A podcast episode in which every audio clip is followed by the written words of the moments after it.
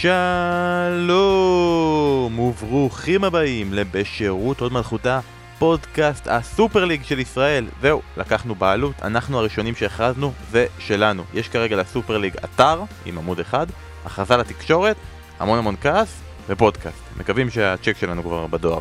אז אני בן פורגס ומיד נדבר על הסופר ליג, על הפרמייר ליג, על הגביע האנגלי, על מוריניו, על הכל, אבל קודם אני יודע שכולם מחכים לשמוע את שרון טועים איך יכול להיות שאמרתי כבר שני משפטים והוא עוד לא נכנס לדברים שלי אפילו פעם אחת, אבל בוא נאמר את האמת. עצם העובדה ששמענו את שרון כל כך הרבה בתקופה האחרונה, זה גם סוג של נס. דנה היקרה ילדה בשבת, ומאז הוא היה איתנו בפאנל בחיפה, בפספורט, בארסנל פולאם, בביתר אתמול בטדי.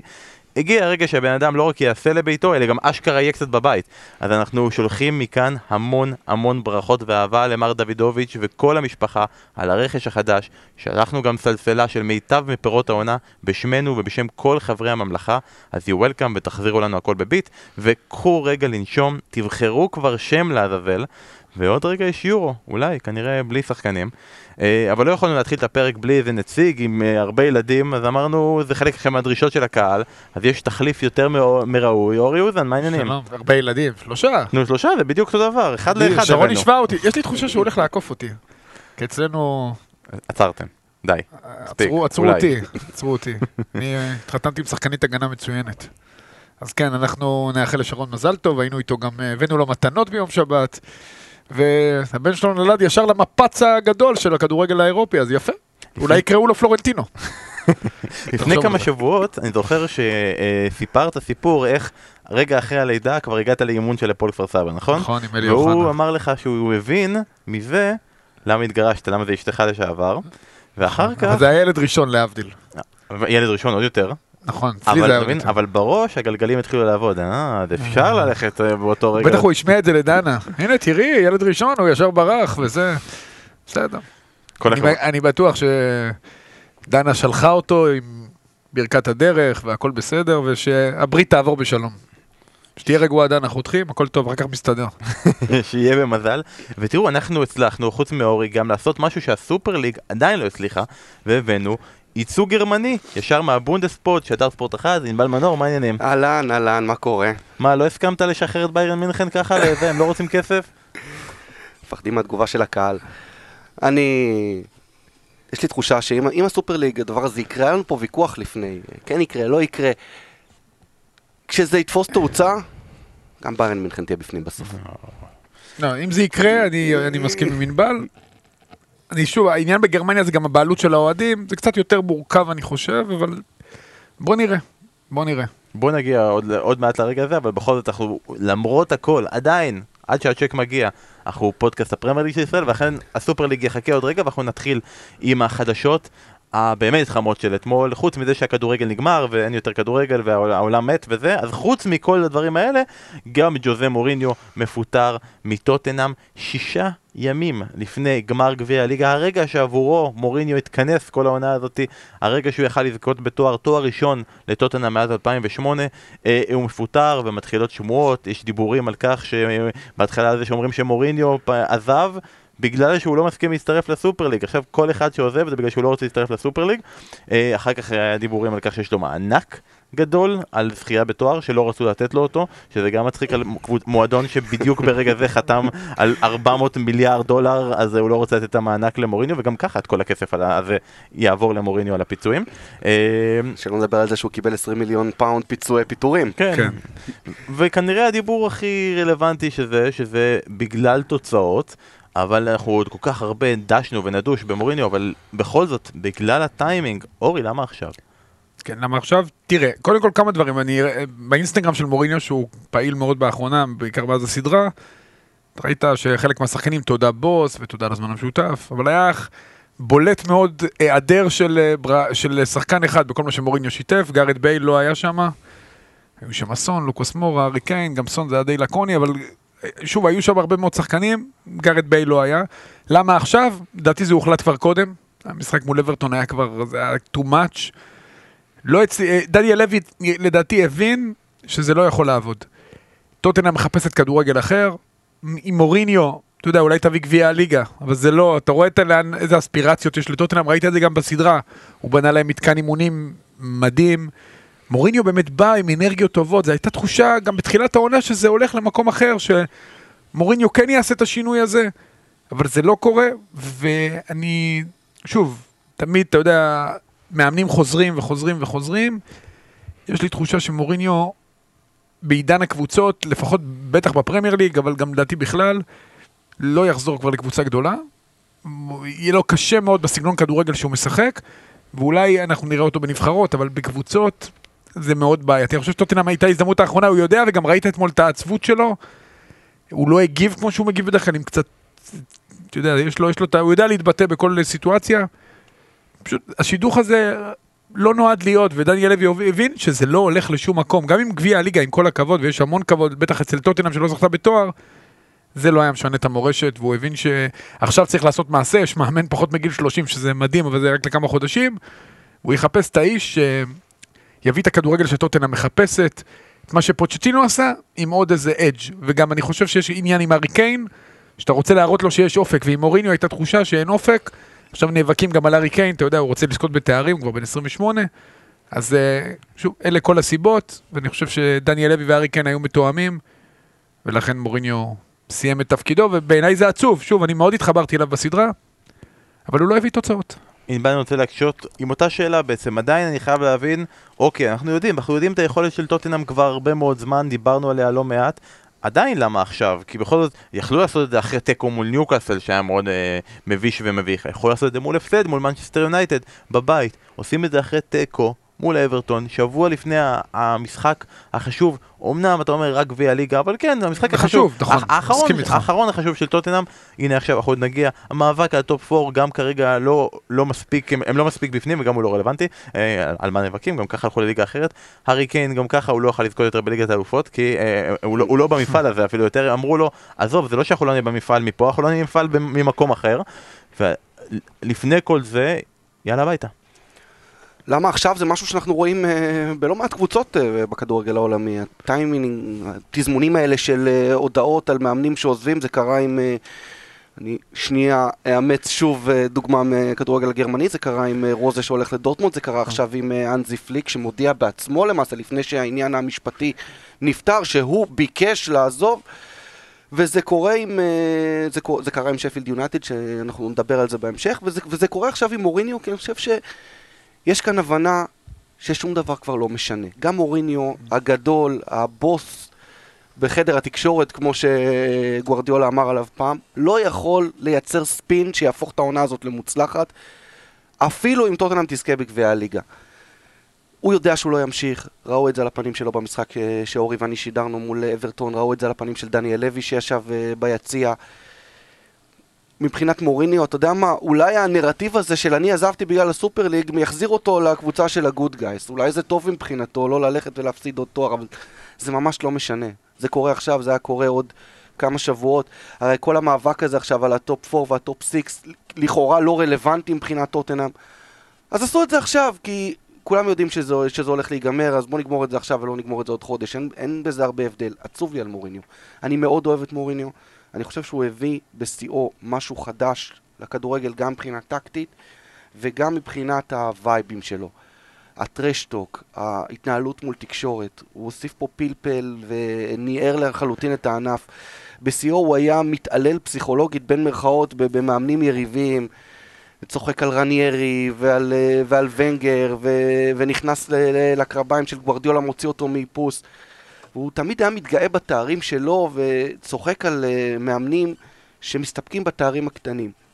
איפשהו along the way, בשנים האחרונות מוריניו הפך לוונגר. והוא יודע שהוא לא יכול עכשיו לבוא ולהתגאות לא בזכייה בליגה האירופית אם זה היה קורה, ולא בזכייה בגביע הליגה. הוא כבר לא, הוא איבד את הטאט שלו. הוא לא משפיע על שחקנים כמו שהוא השפיע על שחקנים. הוא לא משפיע על מאמנים יריבים כמו שהוא השפיע על מאמנים. הוא לא מנהל את התקשורת כמו שהוא ניהל את התקשורת. ובלי זה, מוריניו זה לא מוריניו. מה יהיה עכשיו? מוריניו תמיד יהיה גימיק. זאת אומרת שהצהרות מסין לצורך העניין הוא יקבל כל שנה. נבחרות מסוימות, קטנות יותר או גדולות יותר, הוא יקבל בלי סוף.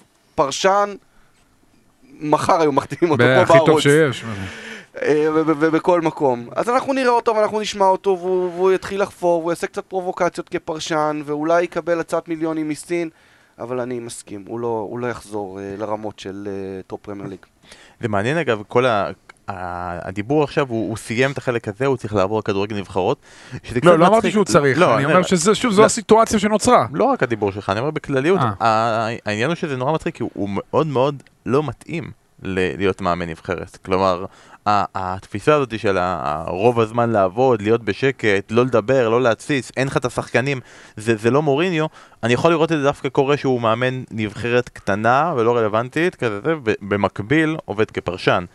כאילו לדמיין את ג'וזה מוריניו מאמן נבחרת פורטוגל, חוץ מהיתד הזה, העוד חותמת בקריירה הגדולה שלו, זה נשמע לי קצת מוזר אותו לעשות כן, את אבל זה. ב- אני חושב שזה חשוב לו. הוא מבין שבקבוצות זה כבר לא יקרה, לפחות בליגות הטובות, הגדולות.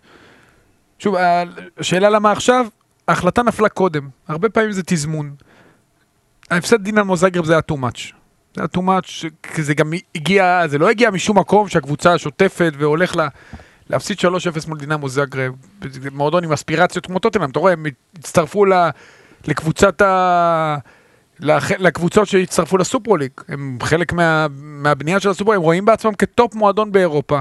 ודינמו זאגרב זה מועדון, אתה יודע, שאמור לספק שחקנים, לא אמור להעיף את טוטנאם בצורה כזאת מהליגה האירופית. ואז דניאל לוי הבין, שמע, זה לא הולך לשום מקום, עם כל הכבוד לגביע הליגה, אנחנו מכוונים הרבה הרבה יותר גבוה.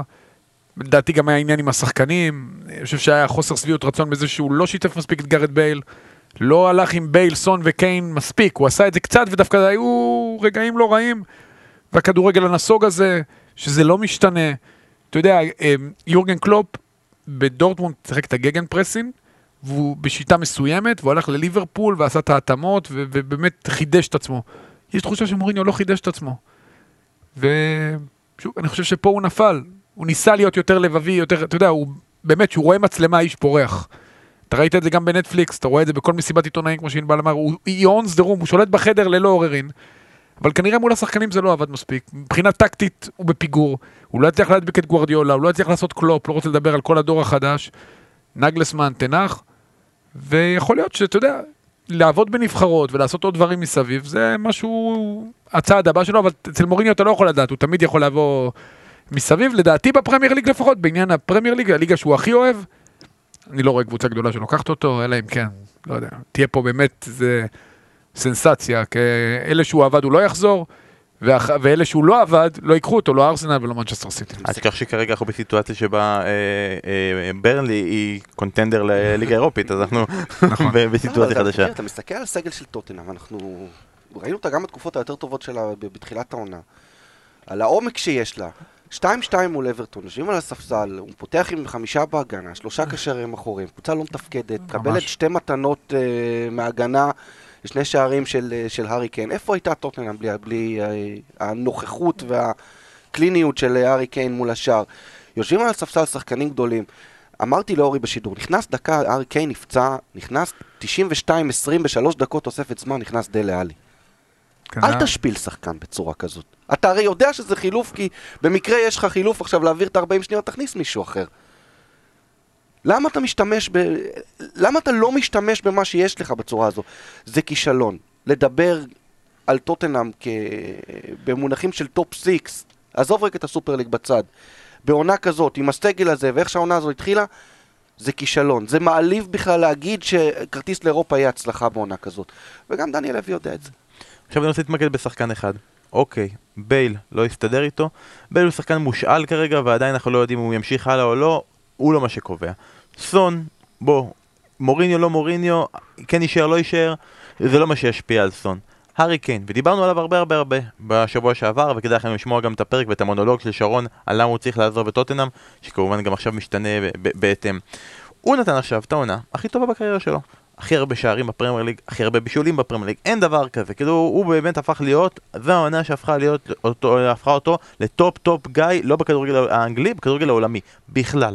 האם אפשר לנתק את זה ממוריניו ולהגיד זה לא קשור לשיטה של מוריניו ושהוא בעצם, הוא חייב למוריניו את העונה הגדולה בקריירה, או שאולי ההפך, הוא, מס- הוא יכול להסתכל על זה ולהגיד, תראו, אני הייתי צריך לקחת את כל טוטנאם על גבי, ללא שום עזרה כמעט, בגלל איך שהוא שיחק. קודם כל זה גם בזכות מוריניו, הוא עשה אותו חלוץ יותר נסוג, ניצל את יכולות המסירה שלו, הוא למעשה או, אה, חשף את יכולות המסירה של ארי קיין, הפך אותו לשחקן שגם אה, מנהל את המשחק, לא רק שחקן שמסיים. חלוץ קשר. אז קודם כל זה לזכות מוריניו. הוא שיחק איתו נמוך, ואז אה, חיפש את התנועות של סון, מורה, וברגעים מסוימים בייל.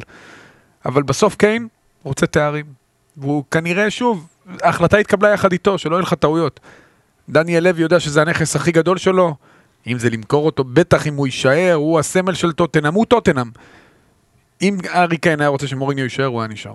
אני אין לי, ואם היה אומר להם, אני, אם מוריניו נשאר אני חותם, מוריניו היה מקבל חוזה לעוד עשר שנים. אתה חושב שזה ככה למרות uh, כל מה שהיה עם פוצ'טינו? שהוא טוען שהוא רצה שפוצ'טינו יישאר. זה כבר סיפור, עם פוצ'טינו, זה לדעתי גם הגיע מהצד של פוצ'טינו, זה כבר הגיע למיצוי, אתה ראית בסוף, פוצ'טינו הרגיש שאחרי העונה הגדולה ההיא, גמר ליגת האלופות, הוא לא יכול להשיג יותר. כן. הוא היה שבע, זה טבעי, עכשיו הוא במקום לדעתי שהוא מאוד מרוצה ממנו, אבל אה, אני חושב שאם, ארי- שוב, לא כל דבר אה, דניאל לוי יושב עם ארי קן והוא לא, היושב, הוא לא סגן יושב ראש, אבל בהחלטות הקרדינליות, אין לי בכלל ספק שהוא אה, מעורב בהן, ואין לי ספק שהוא היה חלק מההחלטה אה, שמוריניו לא ימשיך.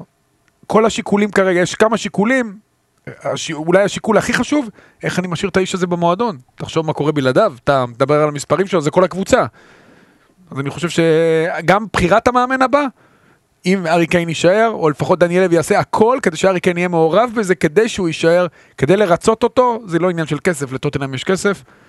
ובוא נראה מי דניאל לוי בשיתוף עם ארי קיין יביא, אבל לגבי מוריניו, ארי קיין אולי אוהב אותו, אבל גם הוא הבין שאיתו זה לא, איתו תארים לא יגיעו. ודבר אחרון בנושא הזה, המחליף שלו כרגע, וריין מייסון, הוא לא ימשיך הלאה בטוטנאם, זה לא. זה לא משהו שיקרה מעבר, אבל מאמן זמני צעיר כל כך, שמקבל את ההזדמנות, ועל הרגע הראשון, יש לו ביום רביעי כמובן סרטפטון, ואז ביום ראשון אה, מנצ'סטר סיטי בגמר גביע הליגה, מבחינתך יש לו רק מה להרוויח, או יש לו, יש לו מה להפסיד? לא, אין לו יותר מדי מה להפסיד, אתה יודע, אף אחד לא יאשים אותו אם קורה משהו, אני חושב שגם תהיה אנרגיה חדשה, הוא כן ייתן, שוב להערכתי, הוא ישחק עם הרכב יותר התקפי, ישחרר קצת את השחקנים, בן 29, גדל בטוטנאם, עשה כמה סיבובים, אין לו מה להפסיד, הוא יקווה שהמאמן הבא שיבוא, ישאיר, לדעתי הוא גם ישאיר אותו, כ, גם אם הוא לא כעוזר ראשון, אלא כחלק מהצוות האנגלי שנשאר עם המאמן הבא שיגיע. יש לו רק מה להרוויח, מה יש לו להפסיד? יותר גרוע מעכשיו לא יכול להיות. גם אם יפסידו בגביע הליגה, אתה יודע, זה למנצ'סטר סיטי. אתה יודע, הזדמנות כזאת במועדון כזה, רק צריך להגיד תודה ולנסות ליהנות מכל רגע. אז מוריניו, נחזור אליך בסיום, אנחנו מבטיחים גם לחזור אליך בפרקים נוספים, אי אפשר כל כך הרבה פרקים בלי נכון. מוריניו, תמיד אתה חוזר, אנחנו גם מודים לך ששלחת לנו את ההודעה ואמרת לנו אתמול, קחו את הפרק למחר, עזבו אתכם, יקרה משהו. תודה, אתה, אתה גבר, אתה, אתה תותח. אה, ועכשיו בואו נגיע לשלב הזה של המפעל החדש שטוטנאם מגיע אליו, שבגללו היא לא תשחק בליגת אלופות, זה בכלל לא בגלל מוריניו, זה בגלל טוטנאם עצמה שעברה לסופר ליג, ואני אעשה, אני אתחיל ענבל ואני אקשה עליך. עזוב, אנחנו כול... לא צריך להתחיל להסביר מה זה הסופר ליג וזה, גם כולם פה חושבים שזה לא יקרה. אבל נניח וזה יקרה.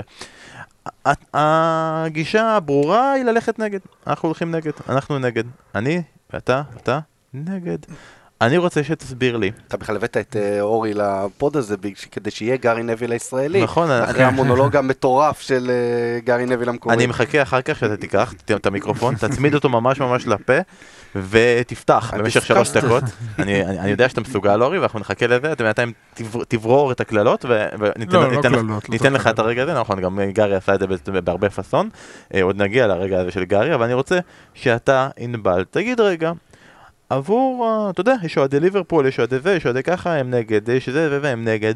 עבור האוהד הפשוט, שרוצה לראות כדורגל, למה הסופר ליג זה לא בעצם דבר טוב? שכדאי שיקרה, כי הוא לא רוצה לראות את אה, ברצלונה מנצחת את אה, אה, דינמו זאגרב, אה, למרות שזה קשה, אתה לא צריך לעשות כן. את זה, אבל אה, לא רוצה לראות את זה, הוא רוצה לראות את הקבוצות הכי טובות, נפגשות אחת מול השנייה, שיש הרבה מאוד כסף, שיש את השחקנים הכי טובים, שיהיה להם עוד יותר כסף, מה אכפת לי שיהיה להם יותר כסף, שיהיה להם מסי וניימר, שיהיה מסי וניימר, מה, אנחנו לא נגד. אני חושב שבסופו של דבר אה, המשחק עצמו גדול יותר מהביזנס שמסביב למשחק. תהיה בעד. והאוהד האמיתי גדול יותר מאוהד הכורסה שרוצה לראות את המשחקים הגדולים שאתה אמרת. תהיה בעד. להיות בעד, אני מקשה, קשה פה. כי בסופו של דבר גם האוהד האמיתי, שיושב ביציע, אה, אוהד מנצ'סטר יונייטד למשל, שלא ראה תארים הרבה זמן, והקבוצה לא משחקת לצורך העניין מספיק טוב, אז הוא יקרא גלייזר קמצן. אז אם אתה אומר גלייזר קמצן, גלייזר לא מחזק את הקבוצה, עושה את זה על כל בעלים, כן, זה דוגמה היפותטית, אז אתה לא יכול למנוע מאנשי עסקים שמנהלים אה, את הביזנס שלהם לבוא ולמקסם את הרווחים. עכשיו פלורנטינו פרס עשה את אותו דבר בשנת 2000, שהוא לקח את אה, ריאל מדריד אחרי זכייה בליגת האלופות, במצב של פשיטת רגל, הוא אמר, אוקיי, יש פה מותג שאני לא מרוויח עליו מספיק כסף, כמו שאני יכול. אז הוא לקח את ריאל, עשה דברים שהיום נראים מאוד מאוד אה, בנאליים, אבל אז הם לא מקובלים. לקח את ריאל מדריד למס- למסע המשחקים בארצות הברית, כולם עושים את זה מאז. פתח את השוק למקומות אחרים. אה, מכר את העץ צפייה. המציא גם את אה, השיטה, מה שנקרא זידאנס והפבונס. אנחנו נביא סופרסטאר בכל שנה יעלה כמה שיעלה, וגם נדאג למחלקת הנוער. הקים את פרויקט הגלקטיקוס, הרוויח ארגזים של כסף, והביא תארים. זה לא מפתיע אותי שפלורנטינו פרס, בן אדם שתמיד רואה איך להרוויח כסף, כמה צעדים קדימה עומד uh, מאחורי המהלך הזה יחד עם uh, אנשי העסקים האמריקאים שמבחינתם הם קיבלו כאן הזדמנות. אני אמרתי לאורי לפני שהתחלנו להקליט uh, NBA של, uh, NBA של uh, הכדורגל העולמי, ואורי אמר לא, כי ב-NBA יש שוויוניות ויש איזונים ובלמים והוא צודק. אז זו הזדמנות לעשות משהו שאפילו ב-NBA אי אפשר לעשות. ליגה קפיטליסטית שכולה מקסום רווחים עד מוות. אז אתה אומר, אם במחיר הזה, בקבוצה שאני אוהד, יהיו שחקנים אה, הכי טובים בעולם, ואפשר יהיה לשלם לשחקנים הכי גדולים את מה שהם רוצים, אפשר יהיה להביא כל שחקן, אז בגדול, למה זה רע? אבל ברגע שאתה יושב בבית, אני ביומיים האחרונים, ואני עכשיו כן הולך עוד פעם לקטע של למה נגד ברשותך, כי אני, קשה לי... אתה זה, אתה כמו זה. כמו, שתשאל את, אני מרגיש פה באמת, תשאל את אורי שיסביר לך למה ראש הממשלה צריך להמשיך פה אה, קדנציה נוספת, תראה איך למה הוא אתה-. למה מסתכל? אבל? נשבע לך שלא הסתכלתי. אני הרגשתי, אה, כמו שהרגשתי בתחילת אה, הקורונה, שכאילו כל העולם שלך רועד, כל הדברים שאתה מאמין בהם, כל העוגנים של החיים שלך לא קיימים יותר. ואתה מתחיל לשאול, למה? מתחיל לשאול, לתהות אה, תהיות קיומיות, כל העולם שלך אה, היטלטל עכשיו. גם כשאני מקשיב פה לשיחה בינך ובין אורי על הארי קיין ועל, ועל טוטנאם ועל מה יהיה, אז כל דבר פתאום עומד בסימן שאלה. אוקיי, קיין נשאר בגלל הכסף של הסופר ליג, אבל עכשיו יש לו יותר סיכוי לזכות בתארים, יש לו הרבה פחות סיכוי לזכות בתארים בסופר ליג. ו- ואם אנחנו, המשחק של ליברפול נגד לידס אתמול, איך ליברפול, ליברפול יכולה לקחת אותו ברצינות עכשיו? יש לה, היה לה על מה לשחק במשחק הזה? הרי כל הפריגיים למשל של אוורטון מול טוטנאם ש- שדיברנו וגם וצוות האנגלי דיברו זה הקרב על אירופה והקרב על ה top six וההזדמנות האחרונה אבל בעצם הכל שקר פתאום. אני הרגשתי שבגדו בי. דבר ראשון, בדבר דבר ראשון בגדו בך. אה? דבר שהוא חלק מרכזי מהעולם שלך, לא איתך, לא שלך יותר. ו- וזאת, וזאת הרגשה קשה. ההרגשה, התחושה הזאת של, של הבגידה. אתה יודע, יש דברים, יש פנטזיות שכולם פנטזים, אוקיי? אין, ת, כל תל אביבי שני יגיד לך על איזה ערב שתייה בבר שהחלום שלו זה לגור במדינת תל אביב, מדינה עצמאית, ליברלית, אה, מודרנית, שבה יש מקום לכולם.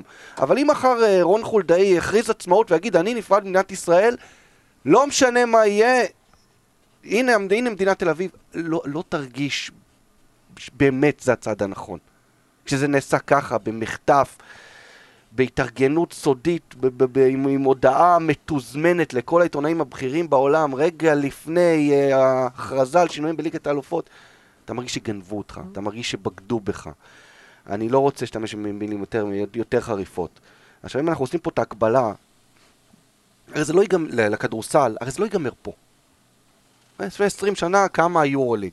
מסיבות די דומות עם סכומים הרבה הרבה יותר קטנים. ואחרי היורוליג יש מפעל משני, יש יורו-קאפ. ויש את המפעלים של, אה, של פיבה, ליגת האלופות שאין בה קשר לאלופות. והיורוקאפ ושאר המפעלים, סלחו לי פה עכברי הכדורסל שאני לא, זוכר את כל השמות שלהם בעל פה. גם הם לא זוכרים נראה לי. אתה רוצה להגיע למצב באמת שוופא והסופר ליג נאבקות על קבוצות לא רק ברמת הסופר ליג. יש סופר ליג בעוד ארבע שנים, יש סופר ליג 2 ו-3. כמו שיש ליגה אירופית ו- וקונפרנס ליג. וקבוצות חותמות הסכמים שמשריינים אותם לכמה שנים, ואז לליג, לליגה אין משמעות, לזהות האלופה אין משמעות, לקרבות על מיקום אין משמעות, כי אני פשוט יכול לבוא ולהירשם למפעל אירופי כראות עיניי, כמו שקורה היום בכדורסל. מישהו פה, סליחה, זוכר, אה, עם כל אהבה לנס ציונה כדורסל ולמאיר טפירו פה, חברנו לערוץ, מישהו פה זוכר באיזה, באיזה מקום היא סיימה בעונה שעברה כדי שהיא נרשמה למפעל אירופי והיא מארחת עכשיו את הפיינל פור שלו? לאן, לאן, איפה זה ייגמר הדבר הזה, אם זה בכלל יקום? אוקיי, ונגיד שתהיה פשרה, מה שכולכם פה חושבים. אז מה נקבל את אותו פורמט בליג, עם השם של ליגת האלופות? קבוצות משוריינות לנצח בחוזים כמו מכבי תל אביב ביורוליג? זה יותר טוב? לא יודע. אני אני, חושב- אני מאוד מאוד קשה לי בימים האחרונים. אני חושב שבעצם ברגע שנכנסים בכלל למשפט שזה כמו בכדורסל, כולנו הפסדנו. ברגע, ש... ברגע שמתחיל בכלל ההשוואה הזאת, אני רוצה אורי רגע ללכת. תראה, אנחנו נגיע עוד לכולם, לכסף, הכסף, בסדר, הכסף מדבר פה, הכסף מדבר פה מכל הכיוונים. אני חושב שגם. המבט הזה שביום האחרון היה, שזה כאילו המלחמה בין הבטמן לג'וקר, בוא, זה לא באטמן נגד ג'וקר, לא. זה ג'וקר נגד דה רידלרמן, זה, זה, זה הרעים נגד הרעים והרעים נגד הרעים יותר, אף צד פה לא יוצא בדיוק אה, עם התרזה, גם אם, גם אם הסופר ליג גורם לו להיראות כזה. אבל יש משהו אחד שמעניין אותי גם, כ, גם כשחקן לשעבר, גם כמישהו שנגיד אתמול הדהד את הדברים של אנדר אררה. אה, ויש את כל הדיבור הזה, שגם ראינו אתמול, של אה, לא התייעצו עם השחקנים. לא דיברו עם השחקנים, אף אחד לא שאל את השחקנים. ואני רוצה לשאול אותך גם כשחקן לשעבר, אבל גם כאיש צוות, כמישהו שעובד כרגע במועדון. האם באמת צריך לדבר עם השחקנים? האם נגיד באמת במקרה כזה, שאתם מסתכלים על וופא, וופא, הצד הטוב, נכון? האם תרזה, ירקה על השחקנים במשך השנה האחרונה בכל צורה שהיא, לא דחתה משחקים, הגדילה את הלוז, הוסיפה משחקי נבחרות נוספים, הטיסה אותם ברחבי העולם עם כל הקורונה וצמצמה יותר בשביל כסף, שבמקביל היא מגדילה את ליגת האלופות בעוד משחקים מיותרים כדי לעשות יותר כסף בזמן שכולם מדברים על ככה שהשחקנים צריכים פחות משחקים וצריכים מנוחה ולא נותנים להם להתאושש, מוסיפים להם עוד, היור גדל, המונדיאל גדל, הכל יגדל, לאף אחד לא הראה שום סימן אי פעם שאכפת לו מהשחקנים, אז האם דווקא פה בהחלטה עסקית של בעלים הוא צריך לבוא ולשאול, תגידו מה אתם אומרים, אכפת לכם אם נשחק במפעל הזה? קודם כל, לא חושב שצריך לשאול את השחקנים, תמיד טוב להתייעץ עם כולם ולשמוע מגוון דעות, זה חשוב. אני חושב שהקור של הכדורגל הוא שהכל יכול לקרות, ויש הפתעות, והסיכוי להפתעה בכדורגל הוא הרבה יותר גבוה מספורט קבוצתי אחר. ונכון, קפיטליזם זה חשוב, וזה זה מה שמוליך את העולם, אבל כדורגל הוא הרבה יותר, יש בו גם אלמנט סוציאליסטי ואלמנט של האנדרדוג, ואתה גוזל את האלמנטים האלה, ואתה גומר, באמת אתה גומר את המפעל. עכשיו שאמרת, אם אתה משריין קבוצות, זה מוציא, מעקר את, גם את חלק מהליגה המקומית והמסורת. הרי עד היום מדברים על ליברפול של שנות, עזוב שנות ה-80, מדברים על, על uh, טוטנאם של שנות ה-60 שלקחה אליפות, ואנשים, uh, המבוגרים נזכרים בזה בערגה, והילדים שלהם אוהדים של הקבוצה בגלל שההורים שלהם נהנו באותם שנים. אני יכול להגיד את זה, הנה, מכבי נתניה לא זכתה באליפות. אה, זכתה באליפות פעם אחרונה ב-83, ועדיין, אתה יודע, זה הסיבה שאני אוהד, כי אבא שלי אה, לקח אותי למשחקים ב-84, 5, 6, ולא ראיתי אף אליפות של מכבי נתניה, אז יש את העניין הזה של ההיסטוריה והמורשת והעובדה שקבוצה קטנה יכולה פתאום לפרוץ. אני חושב שבאמת זה מהלך ציני, והוא נעשה על ידי האדם הכי ציני ויהיר ומתנשא. ובצד השני האמריקאים, שזה התרבות האמריקאית, ה-NBA. הבן הרי- הזה זה... הרי ב-NBA יש קבוצות שמפסידות בכוונה. בוודאי. ועושה שם רע לשם פרס בכל העולם. ממש, ו- ושוב, והאמריק- והבעלים האמריקאים, שאתה יודע, הם, זה בסדר, מכניסים כסף, מקדמים את המועדון, אבל הם באים מתרבות ספורט אחרת לגמרי, שבה קבוצה יכול, מפסידה בכוונה כדי לקבל את הבחירה הראשונה בדראפט, במשך שנים היא בכלל לא תחרותית, היא לא אופציה לתחרות. ובכדורגל זה לא יכול לקרות, אז נכון, הקבוצות הגדולות יישארו גדולות ואמרו על אנדר הררה למה הוא עזב את בילבאו, מה הוא פילנטרופ, מה זה קשור, הוא גדל בבילבאו, אתה יודע, זה שהציעו לו יותר כסף זה בסדר שאתה הולך, זה חלק מהעניין, אבל יש הבדל בין זה לבין באמת לעקר את כל התחרותיות, אה, ל- אתה יודע, לסגוד, לק- לקחת את זה ממקום מאוד מאוד ציני וצר, ללא מחשבה, אה, אה, אתה יודע, על, על מי שמסביב. איזשהו מהלך נוראי בעיניי, באמת מהלך, שאתה יודע, ש... אנשים מפחדים משינויים, אני פחות, אבל אנשים מפחדים משינויים. אני חושב שגם בכדורגל שלנו לא יוש... בעיניי לא יושפע מזה, להפך, אולי דווקא יקראו לו דברים טובים מזה, כי נבין את מקומנו בשרשרת המזון. השאיפה הזאת, כל הזמן להגיע לליגת האלופות, שאיפה שהיא כמעט בלתי אפשרית. תרד מהפרק, נתרכז בלגדל ולשווק ולייצא שחקנים.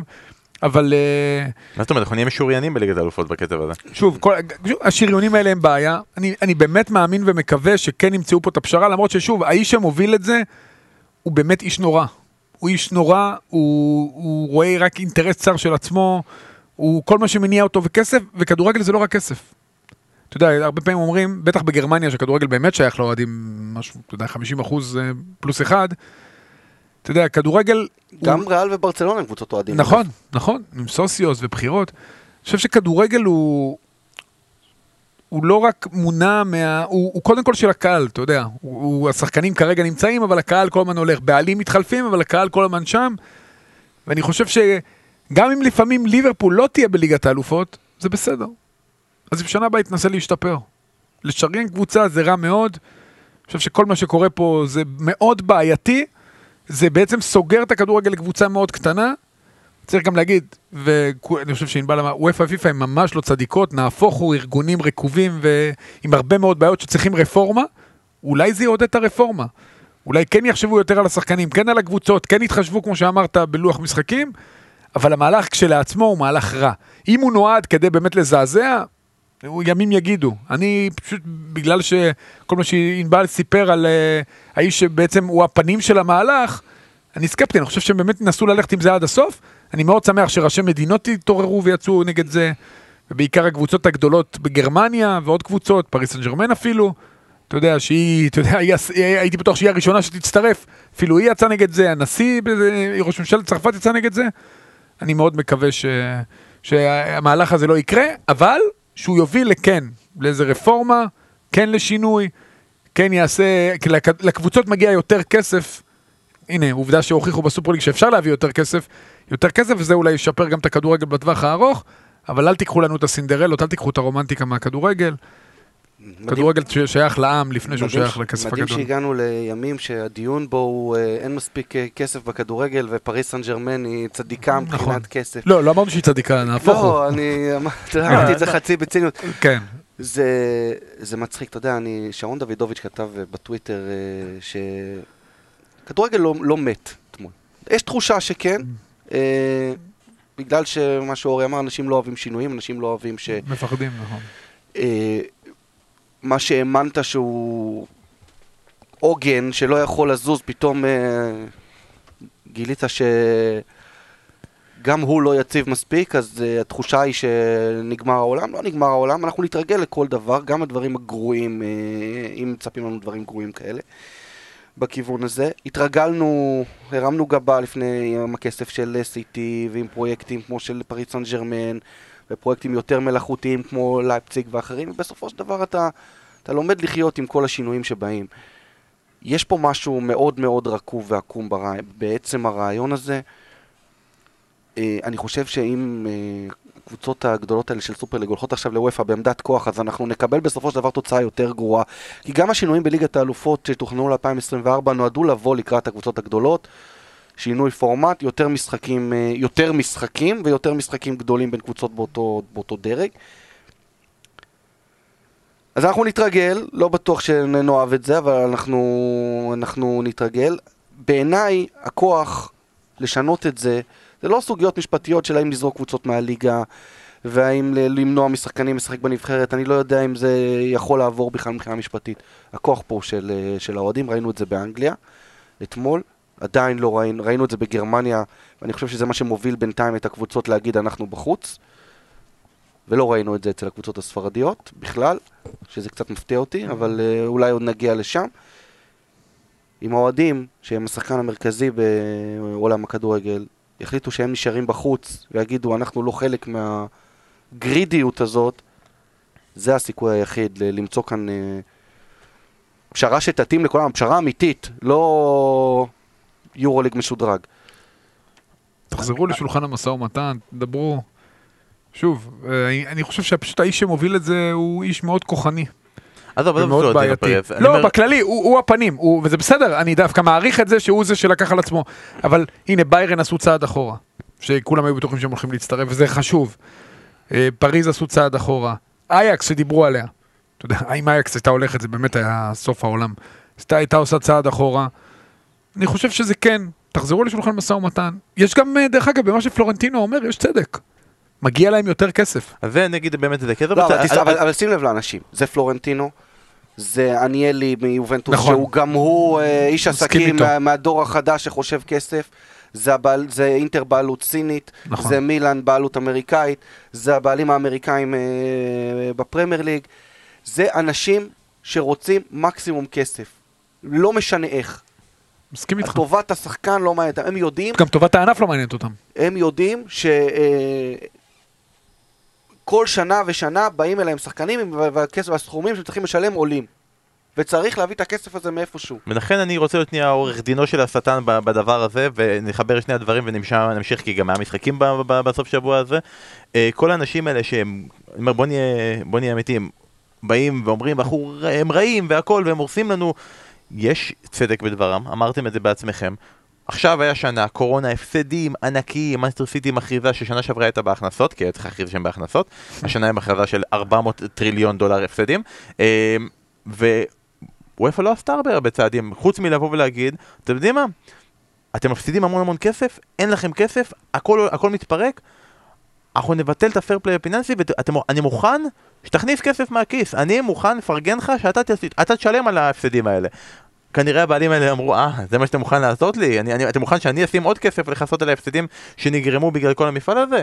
אה, אני לא כל כך רוצה את זה, אני יכול להבין את זה, אני יכול להבין גם את הטענה שהם באים ואומרים, אנחנו באנו, הרמנו מפעל, כל אחד מאיתנו יקבל 400 מיליון דולר רק על דמי כניסה, פלוס תוספות וכו', אתה מציע לי 100. על המפעל, אני, אני פחות קבוצ... למה? קודם כל אני מסכים עם מה שאתה לא, אומר. אה, כנראה יש מצב שמישהו מכם לא מנהל את העסק כל כך טוב. אם אני מצליח, לה- נכון. אם אני לא מצליח, אם אני מצליח להביא הסכמי חסות יותר טובים, אם אני מצליח להביא ככה, אני מצליח להביא ככה, מה קורה פה? כמה כסף אתם יכולים לקחת לשחיתות ולעצמכם לכיס? כמה? אפשר לנהל את העסק הזה יותר טוב, להביא אפשר חלק מהאנשים אפשר האלה. להגיד שחיתות, ו- ו- וזה, וזה נכון, יש גם עובדות, אבל אה, וופא גם דואגת בסופו של דבר ל- לכלל. לכלל ההתאחדויות ולקבוצות הקטנות, הכספים של המפעל הזה מחולק- מחולקים בין כולם, אז בא- באות פה הקבוצות הגדולות ואומרות, מה פתאום? נכון. למה שאנחנו נממן את כולם? נכון. מצד שני, אני, אני בהחלט מסכים עם מה שאתה אומר.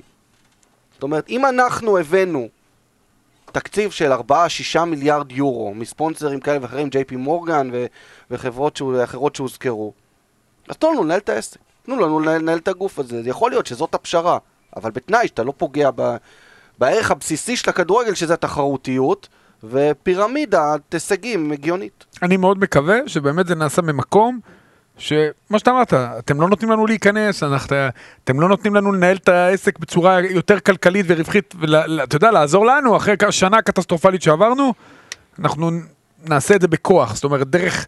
נציב עובדות בשטח, בואו עכשיו ניכנס למשא ומתן. הנה, הוכחנו לכם שאנחנו עושים את זה שונה, בכל מקום, בואו עכשיו ניכנס בכל למשא מקום ומתן. בעולם היה את הקרב הזה באיזשהו שלב, מי צריך לנהל, התאחדות מול מינהלת, מכאן קמה כל מינהלת ליגה בכל מקום. נכון. יכול להיות שגם פה צריכה להיות אה, מינהלת אה, ליגת האלופות אה, בהנהגת האנשים הרעים שאור- רפורמה, שאור כן. הזכיר. לא, אבל עוד פעם, האנשים שיהיו אחראים על, על חלוקת זכויות שידור ועל הבאת ספונסרים, ואז נראה עוד יותר כסף בכדורגל, לפחות נראה את, ה- את הערכים הבסיסיים נשמרים. והקהל. בואו נסיים רגע עם הקהל. שני דברים. מצד אחד, אם אתם חושבים שאתם החלק הכי חשוב, זה נהדר. הם לא חושבים ככה. בואו נאמר את האמת, בעיקר, זה לא אנחנו חיים בריק, אנחנו חיים במצב שבו אנחנו מסתופים כרגע בגמר גביע הולנדי, אייקס וויטסה פה ברקע, ותסתכלו, הנה, הנה הקהל, נכון. שלט, בסדר? זה, זה הקהל כרגע, והקבוצות הגדולות האלה באות ואומרות, "אה, אוקיי, שנה, אין פה אף אחד, ו... והנה, הכדורגל ממשיך וחי וקיים, ואתם מה, אתם, תלכו, הכ- כנראה הסיני שרואה אותי בסין, עדיין יקנה את החולצה הנקודה, השנייה. זאת בדיוק הנקודה, סליחה שאני קוטע אותך, כי בשנים האחרונות, וזה גם אפקט פלורנטינו, הוא התחיל עם זה, ההבנה שהילד שיושב בסין, ומעולם לא יראה את הקבוצה שלו בחי, אלא אם כן היא תגיע ליד הבית שלו למסע משחקים, משחקי ידידות אה, שווה בקיץ, ערך. הוא שווה ערך לבן אדם שיש לו מנוי, כי, הוא, כי להורים שלו יש כסף, והוא קונה ארבע חולצות בשנה, פלוס את כל המרצ'נדייז האפשרי. והקבוצות הגדולות בעולם התחילו לכוון לאנשים האלה, לאנשי הקצה, קצה, קצה, קצה, והם רואים אותם כשווים לעומת בן אדם שכל החיים שלו סנדרלנד טיל I die. קם בבוקר וחי את הקבוצה שלו וקונה הוא מנוי. ואבא שלו וסבא שלו וכו' וכו' וכו'. אז אה, כן, יש פה שאלה של מי, של מי יותר חשוב. כרגע כשיש קורונה ושניהם יושבים בבית, אז אולי יותר קל, אה, אתה יודע, לקרב ביניהם. שורה התחתונה, אין פה צדיקים בסיפור, אבל מי שהכי סובל זה אותם אוהדים, כמו שענבל אומר, שהם בסוף יסבלו הכי הרבה, כי הם ייקחו מהם את ה... אתה יודע, את האופציה אפילו לחלום ולקוות, אה, אתה יודע, להגיע לגדולה. וזה הכי מוזר, כי ובזה נסיים, כי זה כל כך קל לגייס אוהדים לט- לטובתך. כלומר, אנחנו רואים את זה בכל דבר שיש קבוצה ואוהדים, אוהדים ילכו אחרי מה שקבוצה שלהם עושה, כמעט... אבל פה ב- נראה שלא. נכון, כמעט באש ובמים, ואני אומר, ה-PR שעשו לדבר הזה כל כך רע, נכון. מיידית כל האוהדים הולכים אבל הם נגד זה. לדעתי פשוט הם ירו. בגלל מה ההכרזה של וופא, הם רצו לעשות את זה, לתת ראשונים את המכה, לדעתי הם ירו. אתמול ראינו במשחק, לא היה קהל אה, לידס אה, נגד ליברפול, אבל היה אוהד אחד עם שלט. ולפעמים אוהד אחד עם שלט יכול לשנות. אני חושב שבאנגליה תהיה התנגדות מאוד חזקה. לקבוצות עצמן, שהן לא בבעלות, הם מצד אחד קבוצות של האוהדים, הרי ליברפול, מה זה ליברפול? ליברפול זה הקופ והאוהדים שלה.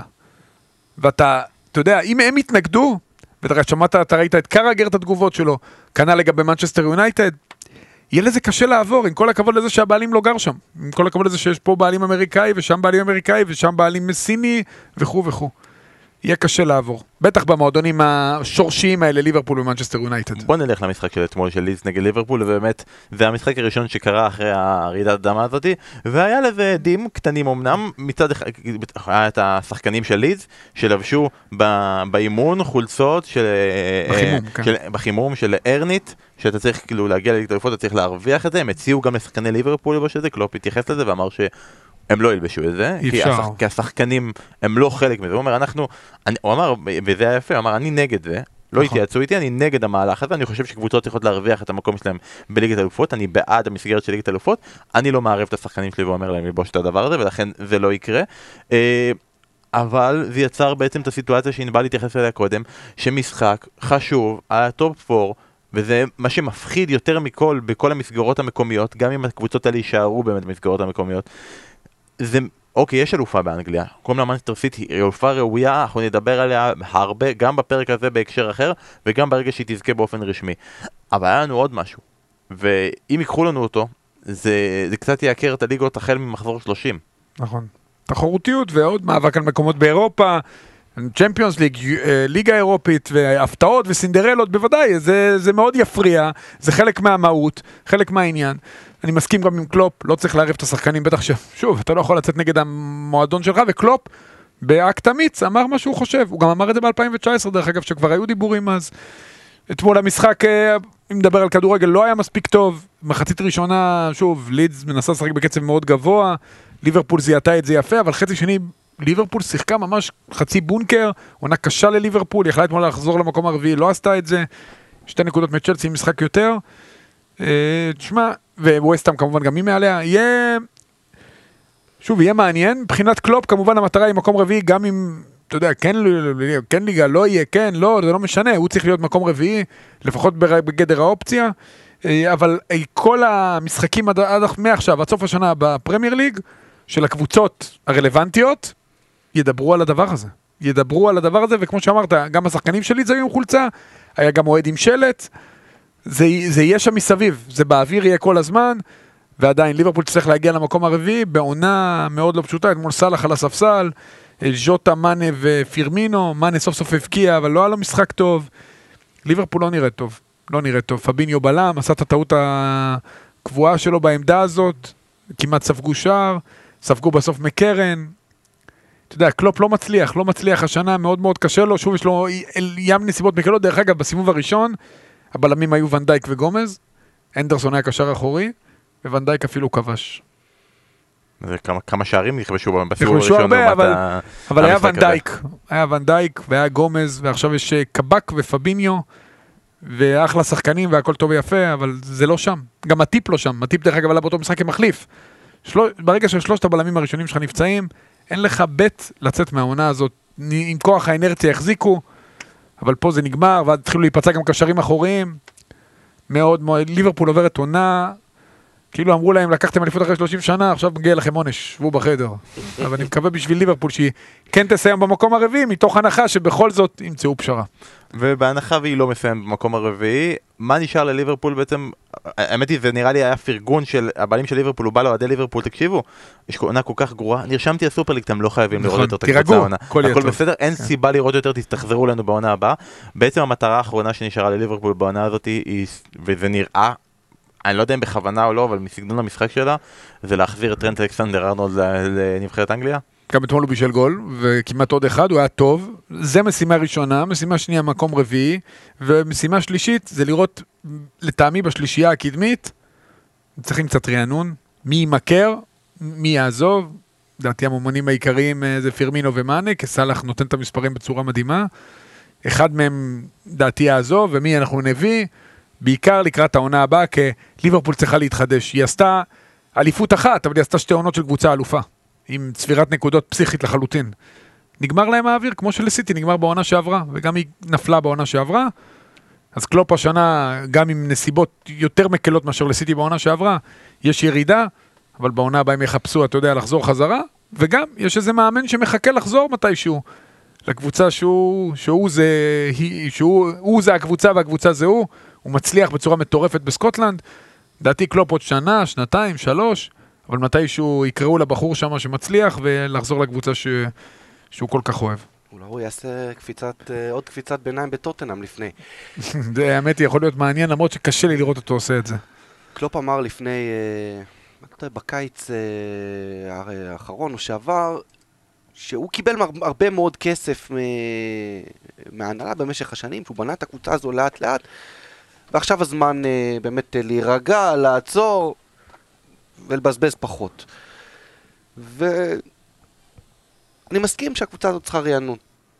זה לא, לא מהפכה, לא לזרוק את כן, כולם. רענון. אה, עונות כאלה קורות, זו שנת, אה, שנת קורונה, חוץ מבאיירן מינכן, אה, כל האלו- אלופות הליגות top, ליגות אה, top היבשת בסכנת הדחה, אם לא הודחו כבר. פריז סן ג'רמן מקום ראשון, אבל גם היא בעונה צמודה, ויובי מפסידה אליפות, אז ליברפול הפסידה אליפות. באמת לא קרה שום דבר אחרי עונה כמו העונה שעברה, אבל אה, שמרו לדעתי כסף, בלי קשר עכשיו, נשים את הסופר ליג בצד, שמרו כסף, יהיה רענון, וזה טוב לעשות את זה פעם בשנתיים שלוש. ובוא נעבור מכאן ליום שבת לחצי גמר הגביע האנגלי. ביום ראשון לסטר מנצחת את סאוטמפטון ומגיעה לגמר, היא תפגוש שם באופן די מפתיע את אה, צ'לסי. שמנצחת את מנצ'סטר סיטי, מנצ'סטר סיטי שהיה אמונה שיכולה באמת בעונה כזאת לזכות בכל התארים, מאבדת תואר ראשון, אולי תאבד תואר, שני כבר ביום ראשון הקרוב נגד טוטנאם, וראיתי אחרי יום שבת, היה הרבה תלונות באנגליה, אה, אורי על כך ש... פפ לא שיחק עם ההרכב הכי חזק שלו. איך יכול להיות שבחצי גמר הגביע האנגלי אתה לא משחק עם ההרכב הכי חזק שלך?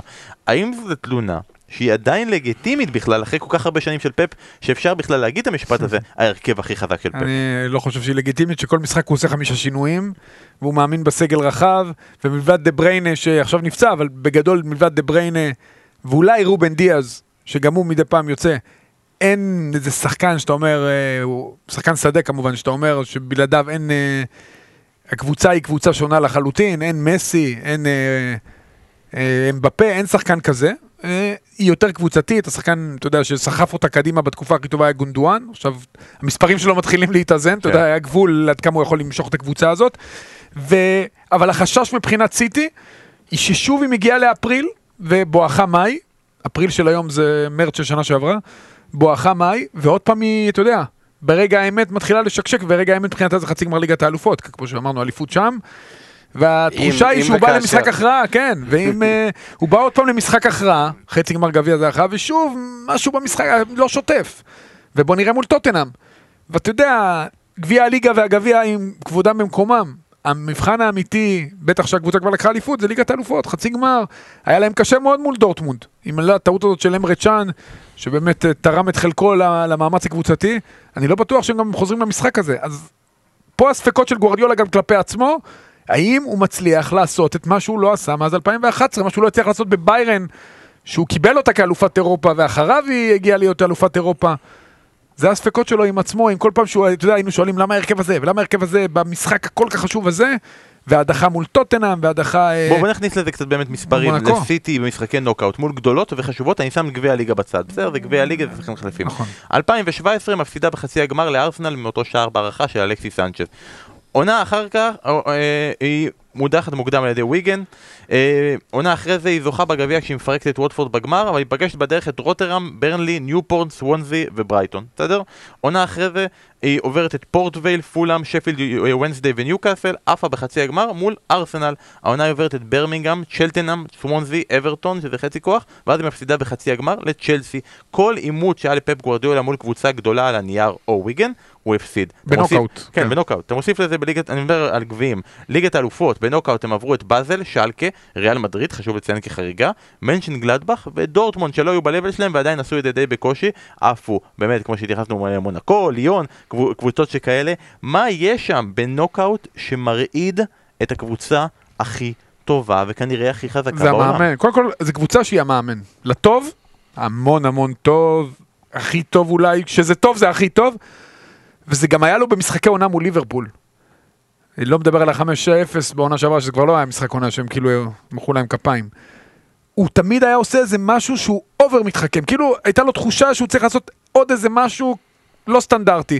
אם זה לשחק פתאום עם אה, רביעיית קשרים של דה או גונדואן משחק חצי כנף, אם זה פתאום איזה התחכמות בהגנה עם איזה מגן כזה או מגן אחר.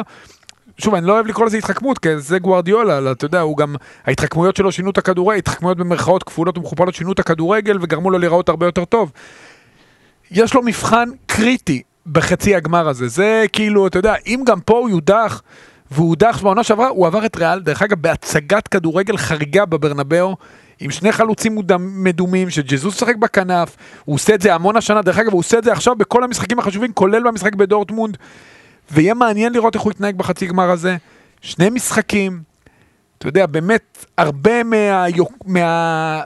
לא יודע אם זה היוקרה שלו, כי אני, שוב, אני באמת חושב שהוא משהו מדהים, אבל הרבה מהפאסון שלו ייפול, ייפול על הכף. הוא פה על הכף, אני, והוא חייב את התואר הזה. אתה יודע מה? עזוב את התואר, הוא חייב להגיע לגמר. מה הפאסון? איזה גמר? יום חמישי המפעל הזה מבוטל, אין- אין חצי לא, גמר. אבל- הוא חייב להגיע, בשביל זה הביאו אותו. אבל אין אתה חצי מבין שאנחנו. אנחנו מנהלים. הם יודחו, זה החלום שלו אולי, אולי בגלל זה הוא עשה את זה. דיון מרתק, וכל מה שאני חושב זה שאתמול אה, מולר, הנציג הדני בהנהלת וופא, אומר שהקבוצות האלה עפות מה- מוד- כל- מודחות מליגת האלופות ביום חמישי או שישי, שום דבר כבר הוא לא מה שאתה חושב שהוא יהיה, אבל שוב, נשים את זה בצד. אני חושב שכל מה שאורי אומר זה עניין, אה, זה עניין מנטלי. סך הכל כדורגל זה משחק של בני אדם וזה משחק של uh, אגדות לטוב ולרע. אגדות, כל מיני דברים, דברים כמו ג'ינקסים ואמונות טפלות ורצפים של קבוצות מול קבוצות מסוימות וענייני uh, מנחוס, אני בטוח שמדברים עליהם לא מעט כאן בפוד, נולדים בגלל משהו. בגלל שאתה נכנס לעצמך לתוך הראש ואתה אומר, את זה אני לא מסוגל לעשות, פה אני נתקע. וגוורדיולה, שהוא אחד שחי לעצמו בתוך הראש, גם, גם עוד מימיו כשחקן, והסיפורים עליו, שווה לקרוא את, ה, את הספרים שנכתבו עליו, איך הוא היה שחקן אה, שבא לאימונים ולובש אה, שחורים, לובש אה, בגדים אה, צבע שחור. ויכול לשאול שעות את, המ... את המאמנים שאלות טקטיות ולשבת, הוא מספר על עצמו שהוא יושב לילה שלם לפני משחק ומחפש איזשהו פתרון. אני חושב שגוורדיולה יושב לעצמו בתוך הראש ומנסה כל פעם ת, ת, ת, ת, להתחכם, להמציא משהו חדש, ולפעמים זה עובד, אבל לפעמים זה גם לא עובד, ונוצר איזשהו מחסום פסיכולוגי מה, מהמשחקים האלה, במעמדים אה, שאתם מדברים עליהם, חצאי גמר, במפעלים גדולים, מול קבוצות גדולות, שהוא בא, ובמקום לעשות את הדבר הפשוט, הוא עושה את הדבר המת, המתחכם. ואז נוצר כדור שלג של עוד הדחה ועוד הדחה, ונבנה הנרטיב הזה של בן אדם שלא מסוגל לנצח נוקאוט משחקים גדולים, מה שמלחיץ אותו עוד יותר. והוא הפך להיות אובססיבי לליגת, לזכייה בליגת האלופות, הוא דיבר על זה, הוא אמר את זה בעצמו.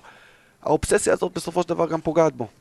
תחשוב שהם הסכם. מודח- מודחים מול פריז סן ג'רמן וקורא את הסופר ליג, אז, אז הוא לא יכול, הוא לא יזכה בליגת האלופות, כאילו זה ממש יהיה, יהיה שמה. אבל בצד השני, הקבוצה שמנצחת צ'לסי, בשלושה חודשים בלבד בצ'לסי, טוחל מנצח את פפ, קלופ, מוריניו, סימאונה פעמיים ואנצ'לוטי, מבלי לספוג אפילו פעם אחת בשש, בששת המשחקים הללו. הוא קיבל חמש מווסט ברומיץ'. אבל אה. יש רמה אחרת, סם סם- אלרדייס זה רמה אחרת. אוקיי. אנחנו בכל זאת גם ווסט ברומיץ' זה קבוצה שהיא כרגע, היא מועמדת ראויה לזכות בליגה האזורית. מה אלרדייס יודע שסימאונה וגוורדיולה לא יודעים? בואו נשמע. עדיף לשחק מול עשרה שחקנים, זה אה, אחד אוקיי. אחד מהדברים שהוא גילה ולמד. והיה היה שלב שבו בפוד הזה, אני אומר, אני מצהיר שהתייחסתי לזה שכאילו...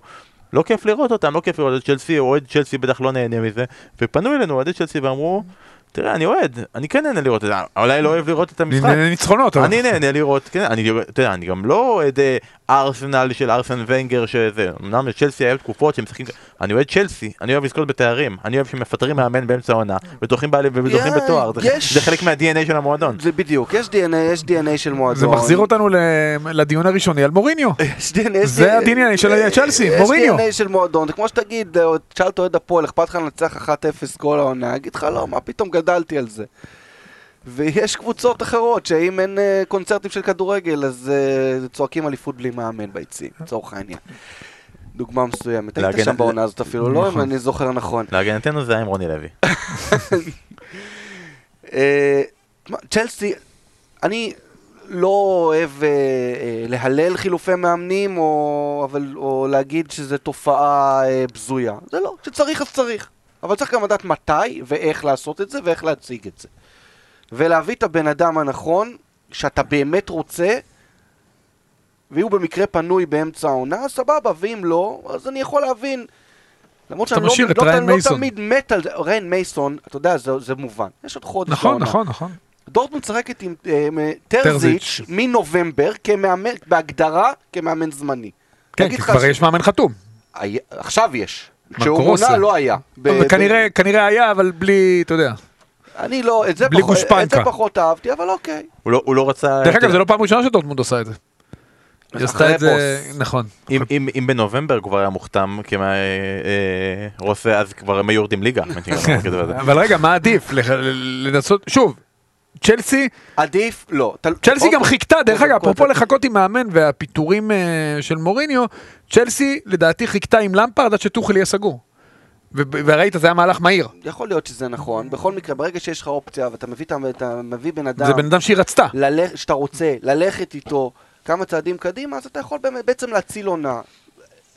אני לא אגיד שצ'לסי מסיימת ב-top 4 גם זאת איזושהי הצלחה מסחררת, אבל זוכרים את הסוף, אנחנו חיים כדורגל. top זוכרים? 4, גמר גביע. לא. זוכרים את הניצחונות. העונה- העונה הזאת היא הצלחה מסחררת מבחינת טוחל. זוכ- עכשיו. מבחינת טוחל כן, לא מבחינת המועדון מתחילת העונה, אל תשכח שהביאו את כל השחקני רכש שהביאו, אבל עשו דבר שהציל פה את הסיפור. ברגע שאתה מחליף מאמן, ברגע שאתה משנה את, ה- את התחושה מהעונה הזו, אתה גם, אתה גם מציל את הכסף שלך. אתה מונע את העליהום על שחקנים כמו טימו ורנר וקאי אבר, צריכים שמת עליהם הרבה כסף, וזייח שהפך להיות פתאום הגיבור אחרי השער מול אה, סיטי.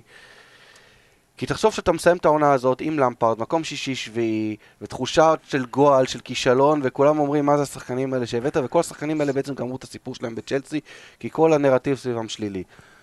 אז השילוב הזה של למצוא את המאמן הנכון, בשלב הנכון באמצע העונה, שעוד אפשר להציג משהו כהצלחה ולשמור על שחקני רכש ששילמת בהרבה כסף, הוא מבחינתי עשה את העונה של כן, צ'לסי. ולא סתם הביאו את טוחל. אמרת על הוורץ וורנר, זה הסיבה שהוא הגיע, אחת הסיבות שהוא הגיע, יש הרבה סיבות, והוא עושה עבודה שמע, כמו שאמרת, הצלחה מסחרר, הוא קיבל קבוצה שבורה, שלא יודעת בכלל מה קורה איתה, והפך אותה, מביא אותה לגמר גביע, חצי גמר ליגת אלופות, ניצח את הטל... וכל הניצחונות חלקים, אתה יודע, הייתה פשלה פה, הייתה פשלה שם, אבל ממש מעט, יצב את ההגנה, לא כדורגל מבריק, אבל צ'לסי זה הגרסה האנגלית ל... טוב, אני עובד במועדון הזה, אבל לא משנה, זה הגרסה האנגלית לקבוצה שרוצה לנצח 1-0, ק- להביס 1-0 קטן. מוריניו הנחיל את זה, הניצחון הוא ערך עליון, הדרך קצת פחות. אצל טוחל זה גם עובד, אתה לא רואה כדורגל מבריק, גאוני, אתה לא רואה דברי, דברי פפ או קלופ, אבל אתה רואה קבוצה חזקה מאוד, יעילה, שיודעת מה היא רוצה. וצ'לסי יכולה לסיים את העונה הזאת עם שני גביעים, שאתה יודע, היה כבר מקרה שהם פיטרו מאמן וזכו בליגת האלופות. לא תלוש גם השנה, אני חושב שהם אחת, אתה יודע, הם אחת מהארבע, ולטעמי אחת מהשתיים שכן יכולות ללכת עד הסוף. המאמן האחרון שפוטר שם בסוף העונה גם היה- פוטר אחרי זכייה בליגה האירופית. אה, אז כל הכבוד לצ'לסי, כל הכבוד לטוחל, פחות כבוד לקבוצה שבסוף שבוע הזה סיימה את דרכה הראשונה שמסיימת את דרכה בפרמייר ליג וזו שפילד יונייטד ופנינו אליכם ברשתות החברתיות, בפייסבוק, בטוויטר, באינסטגרם, לא באינסטגרם אבל בשאר, ת- תגבו אחרינו באינסטגרם וביקשנו מכם קצת סיבות למה? מה קרה לשפילד יונייטד? אז uh, כמובן ישר uh, התגובה שקיבלה הכי הרבה לייקים אי פעם בתולדות הפוד זה שרון דוידוביץ' היקר שפשוט הסביר לנו שמה שקרה זה שהם הפסידו מלא. תודה רבה שרון, אני לא יודע איך לא חשבנו על זה בעצמנו. Uh, דניאל טרואה אמר שזה הסיבה היא uh, דין אנדרסון והעזיבה שלו ליונייטד, עדן אורבך אמר שהם איבדו את הקהל שנתן להם המון, אפשר לראות את ההידרדרות הזו כבר בפרויקט ריסטארט ביוני, חזרת העונה אז, שגם אז כבר הם התחילו להידרדר. תומר עתיר אמר XG, מה שגרם לשרון דוידוביץ' שקודם פנה אלינו ישר לרדת מהקו, ואמר שבעונה שעברה הם ספגו 13 שערים פחות מהצפוי. העונה הם הבקיעו 12 שערים פחות מהצפוי, ובתווך הם פשוט גרועים, אה, וזה כאילו ה-XG אמר. אה, עומר וייסברג, האיש אגדת ה-fantasy והאדם שאני כועס עליו שלא נתן לי כאפה על זה ששמתי triple captain על סון ולא על קיין, אמר שהסטטיסטיקה התיישרה, כמו עם האדרספילד לפני שלוש שנים ושנה אחר כך, מה שקרה להם העונה זה מה שחזו שיקרה בעונה שעברה, ועומר אופיר, אני, אופיר, אני לא אקריא את כל התגובה שלו, הוא פשוט לקח את כל הדברים האלה שאמרנו עכשיו, נתן לנו פוסט בפייסבוק עם כל ההסברים, עם ה- ה- העניינים במשחק הגנה, וכמובן שילב את העניין הזה עם הקהל, ואמר שברגע שהם היו עם הקהל בבית והם היו תומכים בהם כל הזמן, זה כל כך עזר להם גם בסגנון הזה של שפילד יונייטד. אחרי שאמרנו את כל הדברים האלה, האם לכם יש משהו להוסיף בהסבר למה שקרה לשפילד יונייטד ולנפילה שלה, שפשוט אחת הקבוצות הכי גרועות שהיו בתולדות הפרמייר הצליחה לא להיות הכי גרועה בתולדות הפרמייר ליג, אבל היא שם. הייתה קרובה, כן. אני- הסביר- אני חושב שהסבירו הכל. אני מאוד מתחבר אבל אה, לעניין של פרויקט ריסטארט. אתה, מסי... אתה מתחיל את העונה איך שאתה מסיים את העונה. אנשים אולי קצת שוכחים, העונה ההיא שעברה הסתיימה עם שלושה הפסדים רצופים. לא חזרו טוב מהקורונה. גם ליברפול אגב. וזה כן. המשיך בדיוק באותה צורה. עכשיו, מה שמעניין, אני אקח את זה קדימה. שפילד יונייטד השלימה עם הירידה איפשהו באזור חודש ינואר. החליטו שם שהם יוצאים למסע של בחירת המאמן והאיש שיוביל את הקבוצה לא רק חזרה לעלייה כמה שיותר מהר. כמובן שהמודל שם הוא נוריץ' שעולה ויורדת ועולה כן, ויורדת. פרקה שם אבל נשאר. והחזיר אותה. אבל הם החליטו שהם רוצים לעשות שינוי. בסופו של דבר, אה, הפיטורים של ויילדר לא היו כדי לשנות את העונה, זה היה ברור. הם, הם, הביאו. הם הביאו אנשים אה, מתוך המערכת כדי שיסיימו את העונה הזו במינימום כמה שיותר כבוד, גם זה לא קרה יותר מדי. אבל הם כבר כמה שבועות מנהלים scouting על, יש אומרים, למעלה מ-25 מועמדים שנבחנים בציציות. כדי לקחת את הקבוצה בעונה הבאה, הם באמת, הם בודקים אחד-אחד וחוקרים ושואלים נשמע כמו סדרה באמזון. ומתדיינים, ויש כמה שמות שהגיעו uh, לסוף, אחד מהם אנחנו מכירים זה סלאבישה יוקאנוביץ' שעשה שתי עליות uh, ליגה, גם עם uh, ווטפורד, גם עם פולאם. אחד זה בחור שנקרא אלכסנדר בלסין, הוא מאמן היום את אוסטנד בליגה הבלגית, לוקח את העונה פנטסטית, מקום חמישי, קבוצה קטנה. Uh, בלסין גרמני בן 47, זו קבוצה בוגרים ראשונה שהוא מאמן, הוא עבד במחלקת הנוער של לייפציג, ספג שם את כל uh, פילוסופיית הכדורגל של, של רנגיק. לייפציג. גם אדי האו, זה שם שהוזכר, גם מייקל אפלטון שאימן את פורטסמוט בין היתר בעבר.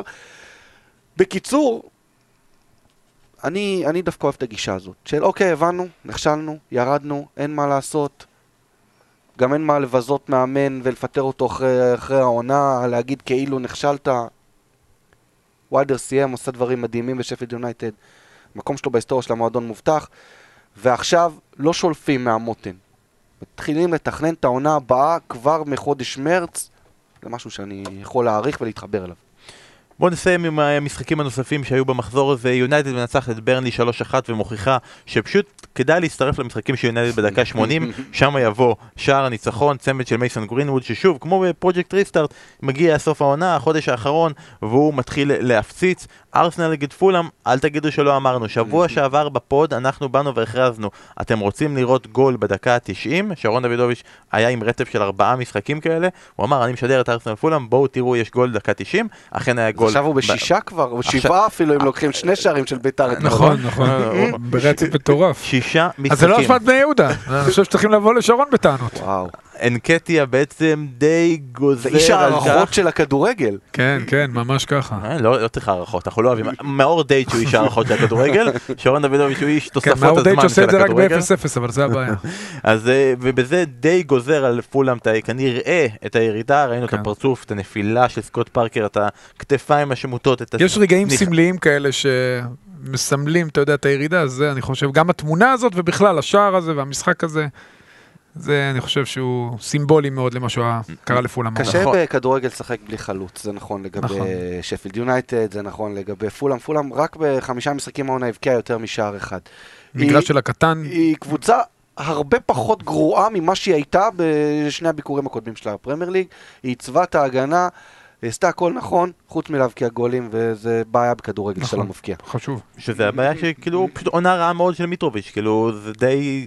הוא הזיז אותו באיזשהו שלב. יש מצב שזה כאילו חצי עליו, הם בשש נקודות פער כרגע מברנלי ומברייטון, עם משחק אחד יותר מברנלי ושני משחקים יותר מברייטון, ואז הוא משחקת הערב מול צ'לסי, אה, וזה די נראה נגמר, ניוקאסל היא זו שתרמה לזה שזה ייראה שזה נגמר אחרי ניצחון מרשים מאוד, 3-2 על וסטאם, עם שער ניצחון של ווילוק. ווילוק עושה את זה גם נגד טוטנאם. הם חזרו. להם עם שני עם שני שערים, הם יודע, הם עשו ניוקאסל קלאסי, נכון, אבל שפתאום אה, היה טוויסט בעלילה. פביאנסקי עם, אה, אתה יודע, עם אה, משחק שהוא לא ירצה לזכור, וסטאם חזרו יפה, אתה יודע, וכשאתה חוזר עם עשרה שחקנים ב-2-2, כן, איזה 5-7 דקות ככה לא, להחזיק. אתה ראית את לינגארד לוקח כדור אחרי הפנדל של ה-2-2, לא חוגג את השער, לוקח כדור, להבקיע. שם באמצע כן. בעשרה שחקנים. תשמע, זה נאה, אני מחבב את זה, אבל אה, כן, ריאליות. כן, בווילוק באמת, אה, אתה יודע, השאיר בעצם שער שהשאיר את ניוקאסל בליגה. ניוקאסל תישאר בעונה. שזה. מצחיק, אה, אסף התייחס לזה בפספורט, הם חיפשו winner שישאיר אותם בליגה והביאו שחקן מארסנל. כן. זה- מאוד מוזר, אבל אתה יודע, ארסנל, קבוצת סופר ליג, לא- לא- לא לזלזל. נכון. אה, ואנחנו נסיים עם זה שאנחנו נגיד שאנחנו לא מתייחסים השבוע ל fantasy כי המחזור עדיין ממשיך ומתגלגל, יש עדיין צ'לסי ויש לסטר וסיטי וכו' וכו', המחזור ממשיך עד יום חמישי ולכן אנחנו לא יודעים את הנקודות שלנו, אנחנו יודעים שמי שעשה triple captain על סון כמוני טעה, לא משנה מה יקרה ביום רביעי, זה- ולא יקרה כלום, טעה. אה, וכמובן אתם מוזמנים להיכנס לאתר של ביר בזאר, בירות איכותיות, טעימות, מיוחדות, להזמין איזה מארז תרצו, קוד קופון, ספורט אחת pod, תוכלו לקבל עשרה אחוזי הנחה ולשתות, מה נשאר לנו בעונה הזאת חוץ מלשתות? לשתות לח- לחיי הסופר ליג, להרים, להשיק איזה כוס, לחיי הסופר ליג, לחיי חצי גמר ליגת אלופות שבוטלו, בוטל ליגת אלופות, בוא נרים כוס. אה, בירה, אז זה תודה לביר בזאר, ואני רוצה לציין, אה, קיבלנו הודעה מאורי לייב, שהציג לנו את הבן שלו איתי, שהוא מדורג נכון לכתיבת שורות אלה, בדקתי, במקום השישי בליגה של בשירות מלכותה, ליגה שכוללת בערך כמעט 2,000 שחקנים. אה, וזה אחרי שנה שנייה שלו במפעל, אה, והוא מפציץ כל מחזור, הוא בין החמשת אלפים הכי טובים בעולם. הדבר הראשון שהוא עושה, שהוא פוקח עיניים בבוקר, הוא בודק את הדירוג שלו בטבלה, והוא בן עשר. וואו. הוא בן עשר, הוא לפניך בטבלה? הוא לפניי בטבלה. הוא בן עשר. מה זה אומר עליך? מה זה אומר עליי? שהוא בן עשר תותח. נכון, הבחור אוקיי, תותח, אוקיי. הוא- בן אומר עשר עליו? תותח. כן. האבא נתן, אמר שיש לו שתי סודות להצלחה. הוא לא מקשיב לעצות של האבא, זה זה דבר ראשון, זה מוכיח את עצמו פעם אחר פעם. כל הכבוד. והוא מבין עניין, שולט בשחקנים, בכל צ'יפ יש לו אסטרטגיות, הוא רושם לעצמו במחברת את הצעדים שלו קדימה. אז אמרנו, אוקיי, הבחור גאון, בן עשר, בוא ניקח עצות מילד בן עשר, ביקשנו ממנו שייתן לנו טיפ למחזור הקרוב, מה לעשות, בכל זאת אנחנו צריכים להקשיב לילד בן עשר שיגיד לנו מה, מה לעשות. אז הוא אמר, דבר ראשון, עצה שהיא די ברורה, שחובה להביא את לינגארד, בעיקר עכשיו שהוא גם בועט פנדלים. ואמר שהוא מבחינת קבוצה ממליץ לשים לב ללסטר שיש לה לוז נוח, אין לה אירופה, יש לה על מה לשחק, היא נלחמת על ה top 4 למרות שבעונה שעברה זה לא הוכיח את עצמו במחזורים של סוף העונה והוא ממליץ באופן ספציפי על פופאנה ועל ינאצ'ו החלוץ אחלה פופאנה, דרך אגב, בלם אדיר. אוי, אחלה ינאצ'ו כמה ש- בלמים אה, צרפתים יש? די כבר. ינאצ'ו משכיח לגמרי את הכאילו, הוא כבר לא זוכר מתי ג'יימי נכון. ורדי נתן גול אחרון כי כל הגולים הוא נותן, מדהים. מה סוף, ש- אתה יודע, הוא בגיל, אתה יודע, בסיטי חשוב שזה יקרה בגיל 18, 19, 20, וזה קורה עכשיו. והוא באמת עושה סיבוב שני מדהים. והוא כזה חמוד וגם הוא ח- באמת חמוד. וגם איך הוא חמוד לקח את הכדור? הוא היה כזה חמוד. גם חמוד מאוד איתי שלושה. לייב, ב- ילד בן עשר, מנצח אפילו את ה- יותר חמוד מינאצ'ו. אם כבר לנצח, למה הילדים שלך לא טובים ב fantasy? הם משחקים? בן שש, מה? נו, מה זה? זה הוא לא יודע מה זה fantasy. זה חצי מעשר. זה הזמן. הבן שלי בן שש, זה- זה עוד לא שם. זה- גם מחזק את האנגלית. ואני מקווה שהוא ישחק כדורגל עם כדור אמיתי ופחות עם מחשב. יש זמן לאיזה פינה שאני צריך לסגור עם אורי שנייה? ב- יאללה. אברטון טוטנאם אחרי ה-2-1, אה, השער השני של אברטון, מוריני עושה חילוף, מוציא את, אה, בין היתר, אה, מוציא את רגילון, ואומר סטיבן וורנוק הפרשן, מגן אגדי. מגן אגדי. It's always the fullback.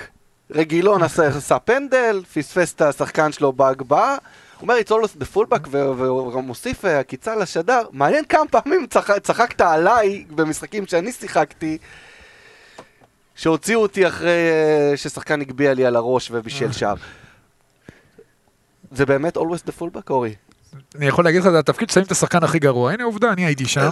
אבל לא היו מחליפים הרבה. שמע- בתקופתי לא מחליפים מגן. מה זה כבר ישנה? אבל דר- בשנים... עכשיו שיש לך חמישה אפשר האחרונות, להחליף אני מגן. חושב שפפ, לא, אני גם חושב שפפ, השינוי שהוא עשה לתפקיד המגן, הוא הפך, המגן אצלו הפך גם ל playmaker בתקופות, עכשיו עם קאנסלו גם. אני חושב שפעם זה היה נכון, פעם זה באמת היה always the fullback, רק הדברים הרעים. דני אלווס היה אחד הראשונים שלקח את זה קדימה, היום המגן זה התפקיד הכי חשוב, וגם פפ שם שם הכי הרבה כסף. כמו שאתה יודע, אז אה, אני חושב שזה השתנה. אבל בתקופת וורנוק הוא צודק, זה היה always the fullback. השחקן הכי פחות טוב בקבוצה. מי כמוני יודע. יאללה. אה, אז בכך אנחנו מסיימים. תודה רבה לך ענבל, תודה. רבה לך אורי, תודה רבה. לסופר ליג על הצ'ק השמן, אנחנו מודים לכם מקרב לב. ואנחנו אמרנו שאנחנו נסיים גם עם יוזה מוריניו, אז אמרנו אה, בוא נזכר עם משהו שחשבנו שלא יהיה יותר בחיים, אבל כל פעם מפציע עוד פעם לעוד איזה קאמבק ועוד איזה תזכורת עם הספייס גרלס. אז לכבוד יוזה מוריניו, הספייס גרלס אומרים לך ביי, ביי, ביי.